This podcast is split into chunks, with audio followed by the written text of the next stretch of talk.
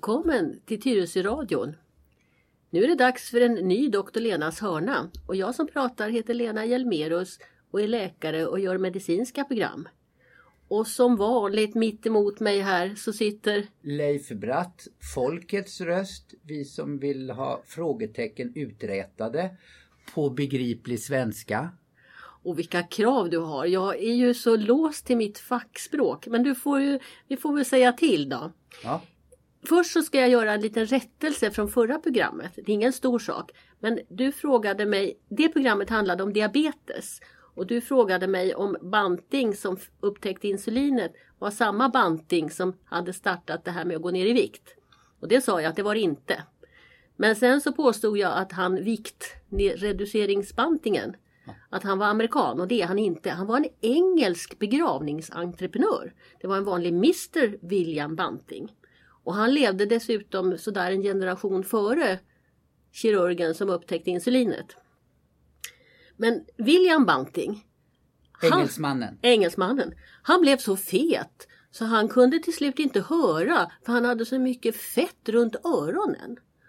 Och då gick han till dåtidens främsta specialist i London som hette William Harvey. Och Harvey han sa till honom att du får inte dricka öl, du får inte äta socker, du får inte inta stärkelse, det vill säga potatis och du får inte äta bröd. Och det som hände då det var att begravningsentreprenören han fullständigt rasade i vikt och blev väldigt lycklig och skrev en broschyr 1863.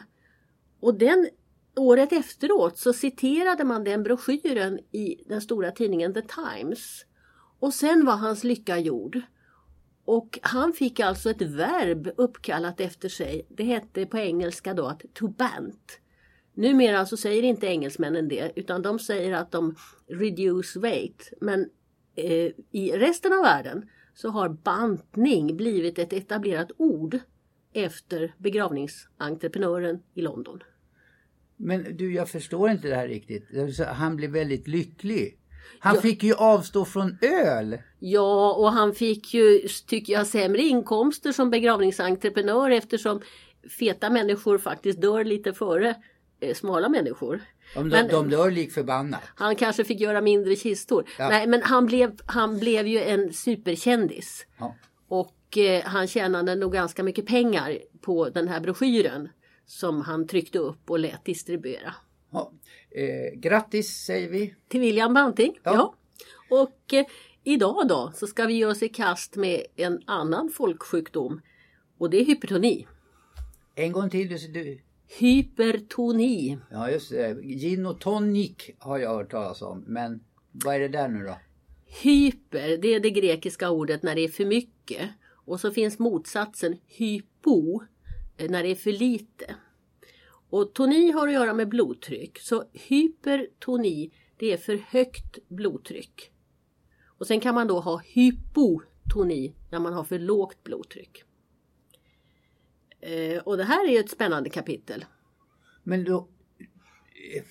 Nu, för lågt blodtryck, det, det, det kan väl inte vara en folksjukdom? För det hör man talas om väldigt sällan tycker jag. Jag, i, i, för, jag kan inte resa mig för fort för då hinner inte blodet upp i huvudet. och Såna där. Men det är inte så vanligt.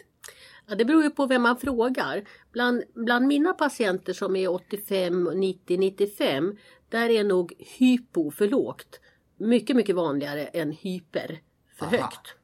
Så att eh, det här är ju, ja det beror på ve- vem du frågar. Vilken åldersgrupp? Ja.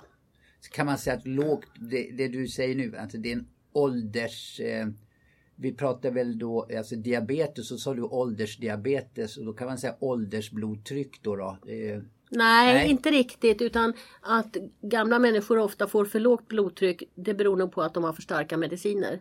Och det är många mediciner som påverkar blodtrycket. aha, så det är inte en eh, sjukdom i sig som man, utan den är resultatet av annan behandling. Precis. Däremot så är högt blodtryck, det är en sjukdom i sig. Och den är vanlig. Man räknar faktiskt med att någonstans var fjärde, var femte person i, på en del ställen står det 15 till 20 procent och på en del ställen står det 25 procent. Så det är alltså väldigt många människor som har 1,8 miljoner såg jag en siffra på eh, som har ett känt högt blodtryck i vårt land. Då. När man hör det här värdet då, man får ju två värden, säg 130 genom 90 eller någonting sånt där. Är det det högsta och det lägsta värdet eller är det någon genomsnitt någonstans? Nej, det är två helt olika saker. Det första värdet, det som är då någonstans 110, 120, 130, 140. Det man säger i alla fall, det övre trycket brukar ja, man prata om. Det, det har ett fint då ord och det kallas då för systoliskt tryck. Och det är när hjärtat så att säga skickar ut blodet i systemet. Det, det, man gör när man mäter blodtryck det är att man lyssnar på pulsvågen som kommer. Och då när pulsvågen kommer då på det värdet ungefär så eller rättare sagt, det går ju till så när man mäter blodtryck att man klämmer åt runt armen så att inte pulsvågen riktigt når fram och så släpper man på trycket och så hör man när pulsvågen går igenom. Och då är det det övre trycket och det är så att säga den högsta belastningen som blodsystemet, ådersystemet utsätts för. Sen har man ett streck, snedstreck och så säger man det lägre trycket och det kallas då för diastoliskt tryck. Och det är när hjärtat vilar mellan varje hjärtslag. Och det är egentligen det viktigaste trycket därför att hjärtat måste ju få vila emellan. Det sliter väldigt mycket på hjärtat om det inte får vila. Så att när man tittar på de här trycken och bedömer om de är höga eller låga då tittar ju jag först på det lägre trycket för att se att, att hjärtat får tillräckligt med vila emellan hjärtslagen. Kan man träna hjärtat? Du säger det sliter väldigt. Kan man träna hjärtat? Ja, all fysisk motion sänker blodtrycket. Det har att göra med lite hur det här blodtrycket uppstår. Dels är det alltså hjärtat som är motorn i det hela. För det är ju viktigt att vi har ett blodtryck. För om vi inte har blodtryck då svimmar vi. Då får inte hjärnan tillräckligt med blod. Och sen kommer du ihåg vi pratade om njurarna en gång med kaffebryggarna och mm. silning och sånt där. Och njurarna måste också ha ett visst blodtryck för att den där silningsprocessen ska funka. Men har vi inget blodtryck då är vi väl lika med döda? Nej, vi kanske är avsvimmade. Mm. Ja. Man dör inte direkt av för lågt blodtryck. Men man ramlar omkull. Så det är alltså i kroppen är det är viktigt att blodtrycket hålls uppe. Och då är hjärtat då den här ska vi säga, som kastar ut blodet. Och sen finns det uppe i själva svängen på stora kroppspulsådern så finns det små tryckreceptorer som kan läsa av och tala om för kroppen att eh, hur mycket trycket är på. Sen en, ute i systemet så alla tunna små blodkärl de kan hålla emot och då stiger trycket. Du vet om du har en vattenledning eller en trädgårdsslang och så är det lite grus i spridan. Då får du inte fram något vatten men själva trycket i slangen när du kopplar loss det är ju jättehögt. Och det är samma sak här då att de här tunna fina blodkärlen ute i kroppen de kan, de kan mer eller mindre stängas och då stiger trycket. Och den funktionen, det här att stänga ute i systemet, det sköts via sådana här hormoner. Och de kommer från njurarna. Så njurarna är nästan viktigare än hjärtat när det gäller att reglera blodtrycket. Det här är en ganska komplicerad process. Men jag tänker, förlåt, du kanske kommer på villospår här med kan man jämföra de här gruskornen i, i vattenslangen, vattenspridaren Eh, med propparna i, alltså det blir ju som slags, det blir ju trängre då i de här artärerna, venerna eller vad det nu heter. Ja, det kanske inte var någon sån där jättebra liknelse men, Tackar. men samtidigt så är det ju så att om man har haft högt blodtryck en längre tid då blir det skador på blodkärlen. Och då uppstår det såna här små proppar som får då trycket att stiga ännu mera. Så det blir en sån här ond cirkel. Att eh, långvarigt högt blodtryck, skador på blodkärlen, skador på organen. Kroppen reagerar med att höja blodtrycket ännu mera. Och det är på det sättet man också eh, har tänkt när man har letat efter bra mediciner. Att på något vis bryta de här onda cirklarna som är så typiska just för blodtryckssjukdomen. Skulle man säga då så en god investering skulle då vara att man går och köper sig en sån här blodtrycksmanschett så att man tidigt kan se när det börjar stiga. Det var ingen bra grej heller. Alltså blodtrycket är ju lättpåverkat. Du kan få högt blodtryck om du ser något spännande på TV och du får definitivt högre blodtryck om jag tar trycket än om någon sjuksköterska tar det. De här mätarna man köper de har blivit bättre men de är inte riktigt lika bra som de som vi använder inom vården. Men jag tänkte lite så här, eh, man kanske inte ska ta en mätning utan ungefär som man kanske ställer sig på badrumsvågen för att ha koll på vikten för den kan ju variera lite. Om man varit ute med grabbarna då, då stiger den på grund av ölkonsumtion. Uh, och sen sjunker den ner när man håller sig lite lugn. Samma sak här att man följer det här under en längre tid. Men nej, du gillar inte det? Jo, både och. Om, om det är så här att, att man har en mamma som har högt blodtryck och en pappa som har högt blodtryck och kanske till och med eh, att föräldrarna har dött av sjukdomar relaterat till det här höga blodtrycket. Då ska man nog ändå när man går på någon hälsokontroll eller företagsläkare eller sådär redan i, i 30-40 års åldern be att, att de kollar ens blodtryck. För det är alltså väldigt stark ärftlighet i det här. Kan man inte byta föräldrar? Ja du, det är nog många som skulle vilja. Nej, det är ju lite svårt att göra. Det är svårt, okay. Ja, men eh, däremot så ingår ju blodtrycksmätning i stort sett i alla sammanhang när man kommer i kontakt med sjukvården. Och eh, ibland tycker jag nog att vi är lite för... Det går så snabbt att mäta ett blodtryck. Eh, och vi skulle nog kunna göra, distriktssköterskorna skulle kunna göra det oftare när det gäller att hitta de här som har fått för lågt blodtryck till exempel. Eh, men att är man även på i alla hälsoundersökningar så ska det ingå en blodtrycksmätning. Jag menar om var femte, var fjärde person i Sverige har det här så det är klart att vi måste ju hitta alla så tidigt som möjligt. Och Det här har vi blivit bättre på och det gör att idag så lever vi ju längre Eh, generellt. Vi har ju ökat vår livslängd med nästan 20 år på en generation. Och det har att göra med att vi har letat eh, och behandlat blodtryckspatienter väldigt noga. Och att vi också har fått väldigt mycket bra läkemedel. Mm. Du var inne när jag pratade om att träna hjärta så sa du all, all eh, fysisk aktivitet är av godo. Finns det någon annan, förutom då den genetiska eh, orsaken som tydligen var väldigt, eh, ja får jag säga dominant? Ja. Finns det någonting annat? Jag tänker kost eller någonting? Ja. Oh ja, övervikt är ju en starkt bidragande orsak till eh, högt blodtryck.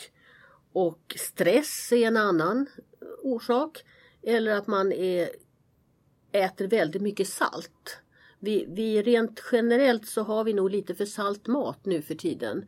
Det saltas i onödan på vår men, mat. Men om vi tar då saltet, för det får vi höra då och då att eh, svensken äter för mycket eller kryddar för mycket med salt. Då, har salt i tid och otid.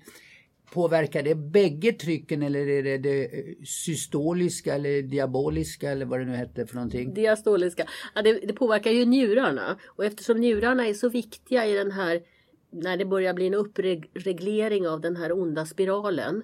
När det bara så att säga kroppen inte längre kan eh, Eh, ha koll över det här med blodtrycket. Och då kan även en sån sak som saltintag påverka. Plus att vi får saltintag innebär att man samlar på sig mer vätska i kroppen och då blir det också lite jobbigare för hjärtat. Så ligger hjärtat redan på eh, sin yttersta då kan det vara en sån där liten grej som får det att tippa över. Men har du tips då om någon ofarligare krydda? Socker är ju inte bra heller och det kanske inte är så gott på potatisen. Men Ja, det finns ju olika typer av örtsalt som är det är så salta så att säga. Men jag tycker nog rent generellt att man, man behöver inte salta så mycket. Ja, men, men det är väl lite som med socker att man lite beroendeframkallande. Det är ju inte för inte alltså salt i alla tider. Dels som konserveringsmedel. Men jag, fick, jag gjorde ett besök i ehm, eh, Auschwitz och där i närheten finns det gamla saltgruvor. Och då var det eftersträvansvärt. Vi skojar ju om att man blir dömd till saltgruvorna alltså som någon slags fängelsestraff för en domstol. Som någon, ja. Då fick man alltså, då, de hade redan då ett slags bonussystem så då kunde man få, om man var då saltgruvarbetare, ehm, en stor klump salt till jul. Och saltet kostade ungefär som silver på den tiden. Ja, salt var ju vårt enda konserveringsmedel innan vi fick det här med eh, frys. Ja. Så att salt har ju varit ett väldigt viktigt medel men idag när vi kan konservera vår mat genom att lägga den i kylskåpet eller frysa in den då behöver vi ju inte hålla på att salta in kött eller fisk. Nej, jag bara menar det kanske har blivit lite beroendeframkallande. Alltså att man, jag tycker om salt. Ja. Ja, och det, det, alltså, det är inte den största riskfaktorn. Det är viktigare att sluta röka och det är viktigare att gå ner i vikt och att ut och, och promenera. Eh, men, men eh, man kan tänka sig för också lite grann när det gäller hur mycket salt man häller på potatisen. Det, över tid kanske man också accepterar, alltså det är kanske lite jobbigt i början. Sen när man har vant sig vid lägre Ja, jag tror att saltfattig kost är nog inte något egentligen stort eh, bekymmer. Men det är olika för olika människor. Visst är det mm. det? Ja. ja. Om man nu då har fått uppmätt ett för högt blodtryck. Då är det första som doktorn kommer att säga det är just det här att sluta röka, gå ner i vikt, ut och motionera. Kom tillbaka och vi mäter ett nytt tryck. Det, det är liksom grunden i all behandling. Men sen om det då är så att man har någon av de här, vi pratade ju ett program tidigare i våras om det metabola syndromet när man har eh, generellt överviktig och har fått diabetes och högt blodtryck. Metabolisk det är ämnesomsättning va? Ja. ja. Och sen så gör man någon slags tabeller där man tar reda på då hur många sådana här så kallade riskfaktorer har den här patienten. Och har de en riskfaktor eller två då kan det bli tal om medicinering med tabletter kanske redan vid, vid första kontakten. Det beror alltså på, lite på vem det är. Det är en väldigt individuell behandling. När du pratar riskfaktorer, var det den här rökning, övervikt eller var, är det någonting i kroppen som kan vara andra riskfaktorer? Tunna blodkärl eller? Nej, vad är riskfaktorerna? Det är rökning, Aha. övervikt, diabetes, om man har väldigt höga blodfetter. För där finns det också en ärftlig koppling till mellan höga blodfetter och högt blodtryck. Och det var något som den finska befolkningen, man upptäckte att, att hade man, var man född i Finland eh, så hade man ofta den, den kombinationen. Det var mer vanligt bland finlandsfödda än bland svenskfödda. Vilken kombination? Högt blodfett och högt blodtryck. Okay. Sen kommer vi till det här med blodtrycksmediciner och det är milt sagt en djungel. Och för att göra det lite mera begripligt så tänker jag att det, det finns fem grupper av tabletter. Och sen är det så att det är inom de här grupperna så har patentet på läkemedlen gått ut. Och det gör att det är åtminstone tio firmor som tillverkar precis samma sak. Och då kan de heta olika. Så säg att i varje grupp finns det en två, tre eh, originalpreparat. Mm, som är, de är som kusiner. Och sen så finns det då till dem kanske fem, tio syskon. Och sen så levererar apoteket månadens vara. Och det gör att det är oerhört många namn i, i svang när man börjar prata blodtrycksmediciner. Men om vi tar de här fem grupperna till att börja med. Så är det då vattendrivande tabletter som hjälper hjärtat och som hjälper njurarna. Och de blir man ju alltså kissnödig av. Och de ingår ibland som en kombination, som ett tillägg i någon av de andra sorterna. Det är ganska ovanligt att man bara har vattendrivande tabletter. Sen har det under många år funnits en grupp hjärtmediciner som kallas för betablockare. Men nu de senaste åren så har de åkt ner i listan på vanliga preparat. Så att eh, det är ovanligt att man enbart får en betablockare. De har en hel del biverkningar och det andra mediciner är effektivare och därför så Eh, får man nog betablockare bara om någon av de andra inte fungerar riktigt. Betablockarna de, de, påverkar också hjärtat och de påverkar delvis blodkärlen ute i systemet. Det här med att det blir högt motstånd ute i de små kärlen. Sen finns det en grupp med läkemedel som påverkar kalkflödet i cellerna. Och de är nog nästan alla som har högt blodtryck får nog en kalciumblockerare. Kalciumblockerare kan man också få om man har eh, hjärtat går i otakt. För de, de hjälper till att, att få hjärtat att, eh, att reglera rytmen lite bättre. Så de där tre grupperna de, de påverkar i första hand hjärtsidan av blodtrycksregleringen. Får jag bara fråga då så här. Kalcium sa du och kalk och kalcium. Eh, hade inte det med osteoporos, alltså benskörhet att göra? Om man blockerar det, får man inte benskörhet då? Nej, det är, ja, det är ju samma kalcium men här i, i blodtrycksregleringen då är det joniserat kalcium. Det är, finns några ämnen i kroppen som finns i alla kroppens celler och som påverkar eh, ska vi säga, hur, hur cellen lever. Och det är natrium, kalium, kalcium eh, som är de viktigaste där. Ja. Kan man säga då när du sa joniserat kalcium för att göra det begripligt då får det in i mitt huvud att kan man jämföra det med torrt salt, då är det ett saltkorn. Och så lägger jag saltet i vatten, löser upp det. Då delar det upp sig i sina två beståndsdelar natrium och klor. Och då får vi joniserat natrium. Och du måste ha lite elektricitet också för att det ska bli joner. Ja. Det, men det finns ju hela tiden. Ja, men jag bara för att förklara ja. skillnaden vad du menar. Ja, det, är, det är rätt. Den har gått upp i sina... Ja. Den har delat upp sig i sina beståndsdelar ja. och med hjälp av lite elektricitet så har de här fått då olika positivt eller negativt eh, märke efter sig. Ja. Det här är kemi. kemi. Mm. Sen den fjärde gruppen av läkemedel, det är en grupp som kom i slutet på 90-talet och som nog är den det som har revolutionerat blodtrycksbehandlingen verkligen. Och det är en grupp som heter ACE-hämmare. Och de verkar i huvudsak på njurarna.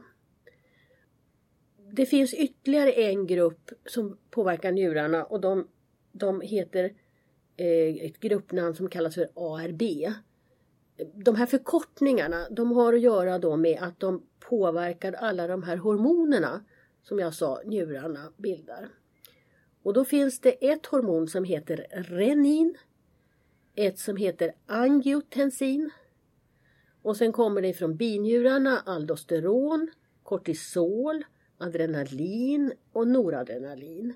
Och alla de här eh, kemiska signalämnena men framförallt renin, angiotensin är jätteviktiga i den här regleringen av blodtrycket. Och genom att man då har hittat läkemedel, kemiska ämnen som påverkar bildningen av de här hormonerna och också påverkar eh, det ställe där hormonet ska, ska verka. De binder, alltså låser så att hormonet inte kan utöva den verkan det ska. Det kan inte längre höja blodtrycket. Och då blir de oerhört effektiva. Problemet med de här njurläkemedlen eller läkemedlen som verkar via njurarna det är att äldre personer har svårt att tåla dem. Eh, lite skutt här nu då, men alltså det du beskriver nu för mina öron och kanske för några lyssnares öron också. Det är ju verkligen en djungel som du var inne på. Och då tänker jag så här att om jag gör en jämförelse med politiken så finns det då olika ideologier. Man tror på bra lösningar. Är man på den ena kanten så tror man på de där lösningarna och på andra kanten några andra typer av lösningar. Och jag tänker också, läkarkåren kanske också är ideologiskt uppdelad, att man tror på lite olika läkemedel. Vad ska jag som patient göra för att känna mig trygg? Alltså jag går till en som tror på njurvarianten eller jag går till en som tror på beta-blockera-varianten. Det lät ju inte så på dig men du kanske är färgad av någonting också. Jag menar, man blir nästan lite skraj över att ni har så mycket valmöjligheter. Ja och dessutom så är det ju också så att man blir utbildad under olika tider. Så att när jag gick min grundutbildning och lärde mig behandla högt blodtryck då var det ju helt andra preparat än, än de som finns idag. Så att det här är, utvecklas ju hela tiden. Men då får vi ju då riktlinjer via till exempel Kloka listan som vi pratade om här i ett annat program. Och då får vi hjälp, får väldigt tydliga riktlinjer att eh, är det en patient med de här riskfaktorerna och det här trycket då ska du välja de här medlen i första hand. Och fungerar inte det, då kan du ta det här alternativet. Och fungerar inte det så kan du ta det här alternativet. Så att distriktsläkarna har ändå bra kunskap om det här och bra riktlinjer. Och sen är det så att alla mediciner passar inte alla människor. Utan det här är väldigt unik individuell blodtrycksinställning. Mm. Men då kan jag trösta dig med, det här kanske alla eh, yrkesskrån lider av, att det, det finns en utveckling för till exempel ålderstigna professorer i nationalekonomi. De lever kvar i modeller som nog ingen längre tror på är sanna. Och vi kan ju bland annat se att de gamla förslag, alltså de förslag som de gamla gubbarna kommer med i Riksbanken, de får inte fart på vår ekonomi. Nej, det är, nog, det är nog mycket så. Och där kan man väl säga att om man går på regelbundna blodtryckskontroller kanske två gånger om året och det ligger bra, då finns det ju ingen anledning att byta läkemedel. Men känner man att man inte mår riktigt bra eller att man mellanåt får för lågt blodtryck, ja men då ska man nog kanske fråga sin doktor om det fortfarande är så att jag ska ha de här medicinerna eller tycker du att jag ska byta?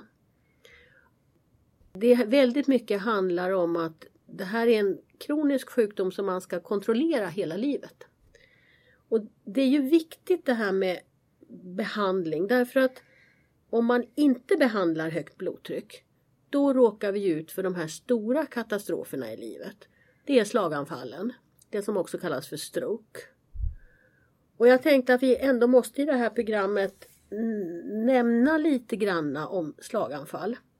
Och nu ska jag berätta en Bellman-historia för dig. Jag var på Arlanda flygplats och skulle ge mig ut på en resa. Och då kom det ett sånt här rop i högtalarsystemet att en, en, finns det någon doktor, var vänlig infinn er vid gate nummer sju. Och då, då är man ju som doktor tvungen att gå till gate nummer sju. Det hade precis landat ett plan ifrån Bryssel. Och det var inte bara jag som kom, det kom en finsk kvinnlig läkare och det kom en dansk manlig läkare och så kom doktor Lena Svensk. Men det var ingen patient där för han hade gått på toaletten tillsammans med personal ifrån flyget.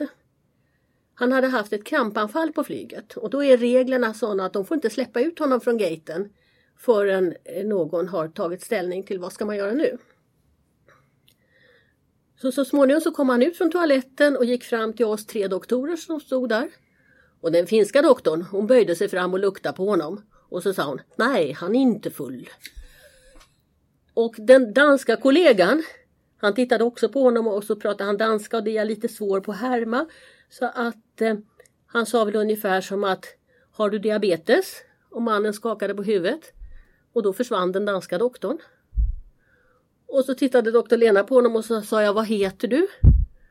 Och då visade det sig att han kunde inte tala om det för mig. För han hade förlorat talförmågan. Och då insåg ju jag att han hade fått en liten propp, ett krampanfall och därefter förlorat talförmågan. Då har man fått en liten stroke. Så då så sa jag till personalen där i gaten att han ska till sjukhus.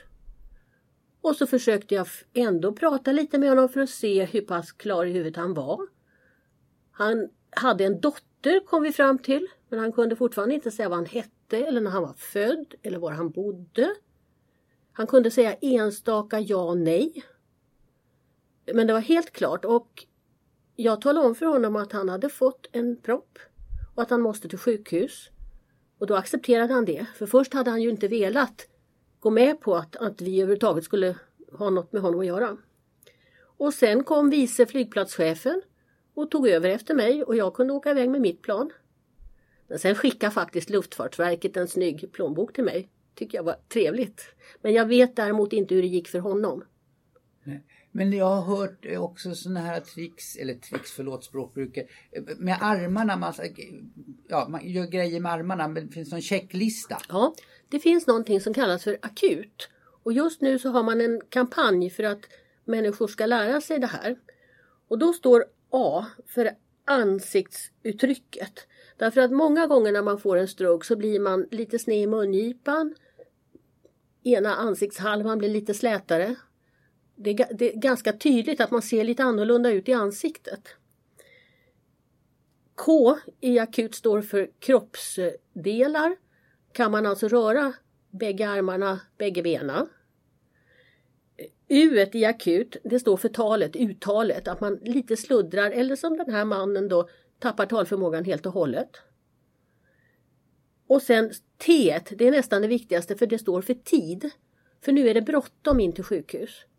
För idag så gör vi så att är det någon som man tror har en stroke, då går de före inne på akuten. Och då får de propplösande behandling.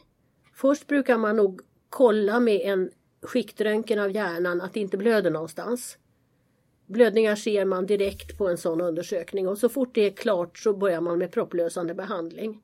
Och på det sättet så klarar man väldigt många ifrån ett livslångt handikapp.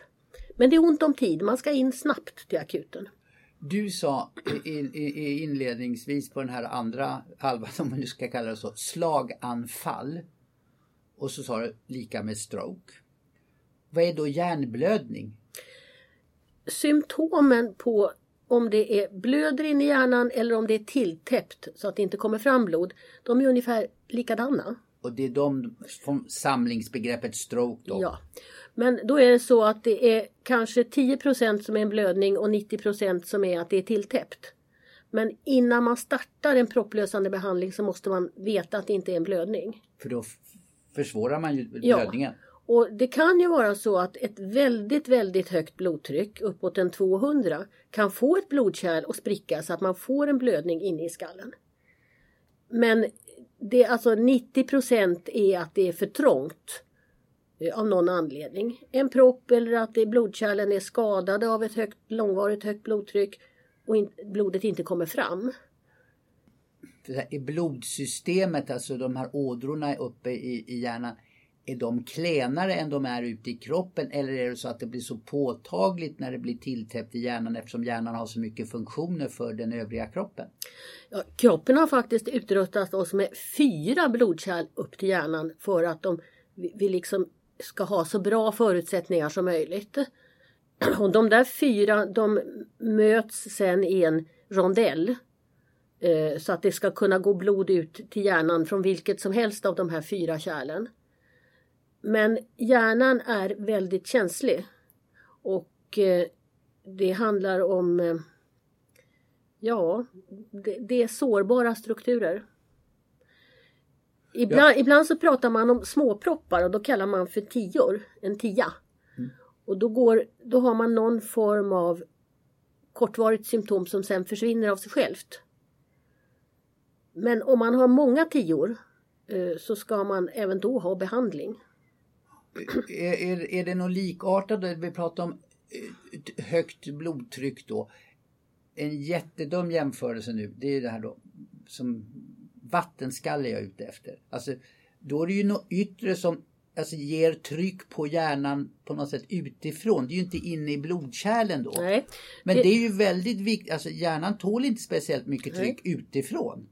Och, och, och, det, finns, det finns grottor inne i hjärnan med, som är fyllda med vätska.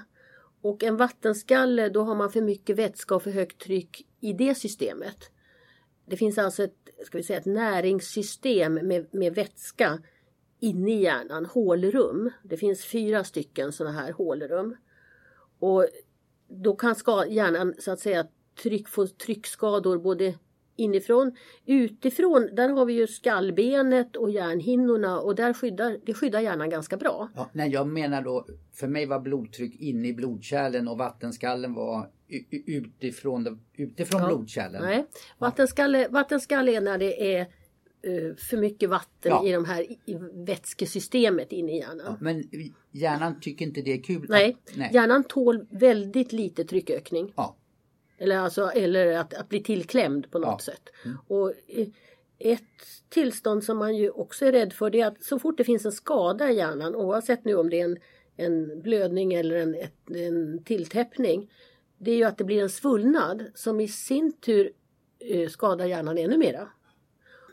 Man behandlar för att försöka få ner den här svullnaden. Svullnad kan ju uppstå också om man har fått ett slag emot hjärnan. Men även en, en blödning eller en stroke eh, ger en, en, en svullnad. Och, och, det också gör att det är väldigt svårt att bedöma med samma hur stor är skadan. För det kan vara svullnaden som är, eh, ger de mesta symptomen. Den kanske inte är så stor eh, efter ett par tre månader. Och det gör ju också det lite hoppfullt att det går inte att bedöma en person som har fått ett slaganfall förrän det har gått ganska lång tid. Och där tycker jag nu att vi har hamnat i en lite tråkigare situation när man inte får vara så länge på en geriatrisk klinik så att man hinner säga att den här eh, bieffekterna med svullnaden riktigt helt har gått tillbaka. Utan ibland så flyttar ju, flyttas personer till olika typer av särskilda boende när de fortfarande inte är riktigt helt återställda från den ursprungliga händelsen. Skulle man kunna säga så här nu efter din redogörelse eh, och nu kanske blir osams med några. Du som läkare, vad är din syn på boxning som sport? För då, då bearbetar vi verkligen hjärnan för att den ska ta stryk. Ja du, jag är ingen vän av det inte. Nej, eh, jag tycker det, det är knäppt att hålla på och slå mot ett så känsligt organ. Det måste jag ju ärligt säga. Ja. ja. Det, vad, vad är poängen med att göra det? Ja. Mm. Det finns väl andra sporter? Ja. Ja. ja. det är ett känsligt ämne men ja, jag tyckte men att det alltså, var på plats. Ja, nej men det, det, det är ju... Nej, det känns, det känns bara dumt faktiskt, tycker jag. Mm. Men det är min personliga åsikt. Det, mm. Jag vet att det finns ju många entusiaster i, även i den branschen. Ja, men utifrån ett medicinskt perspektiv? Ja, jag, jag, tror att de flesta läkarkollegor eh, håller nog med mig om att, att eh, man, kan man välja kan man väl välja en annan sport istället. Ja. Vi återgår till det mindre kontroversiella. Jag tror att vi måste sluta för idag. Vi får återkomma till högt blodtryck i något annat program. Ja, vi hann ju i alla fall börja. Ja. Det, det är som man på nysvenska säger, en cliffhanger. Vi har eh, ja, skapat intresse. Det har vi. Tack för idag.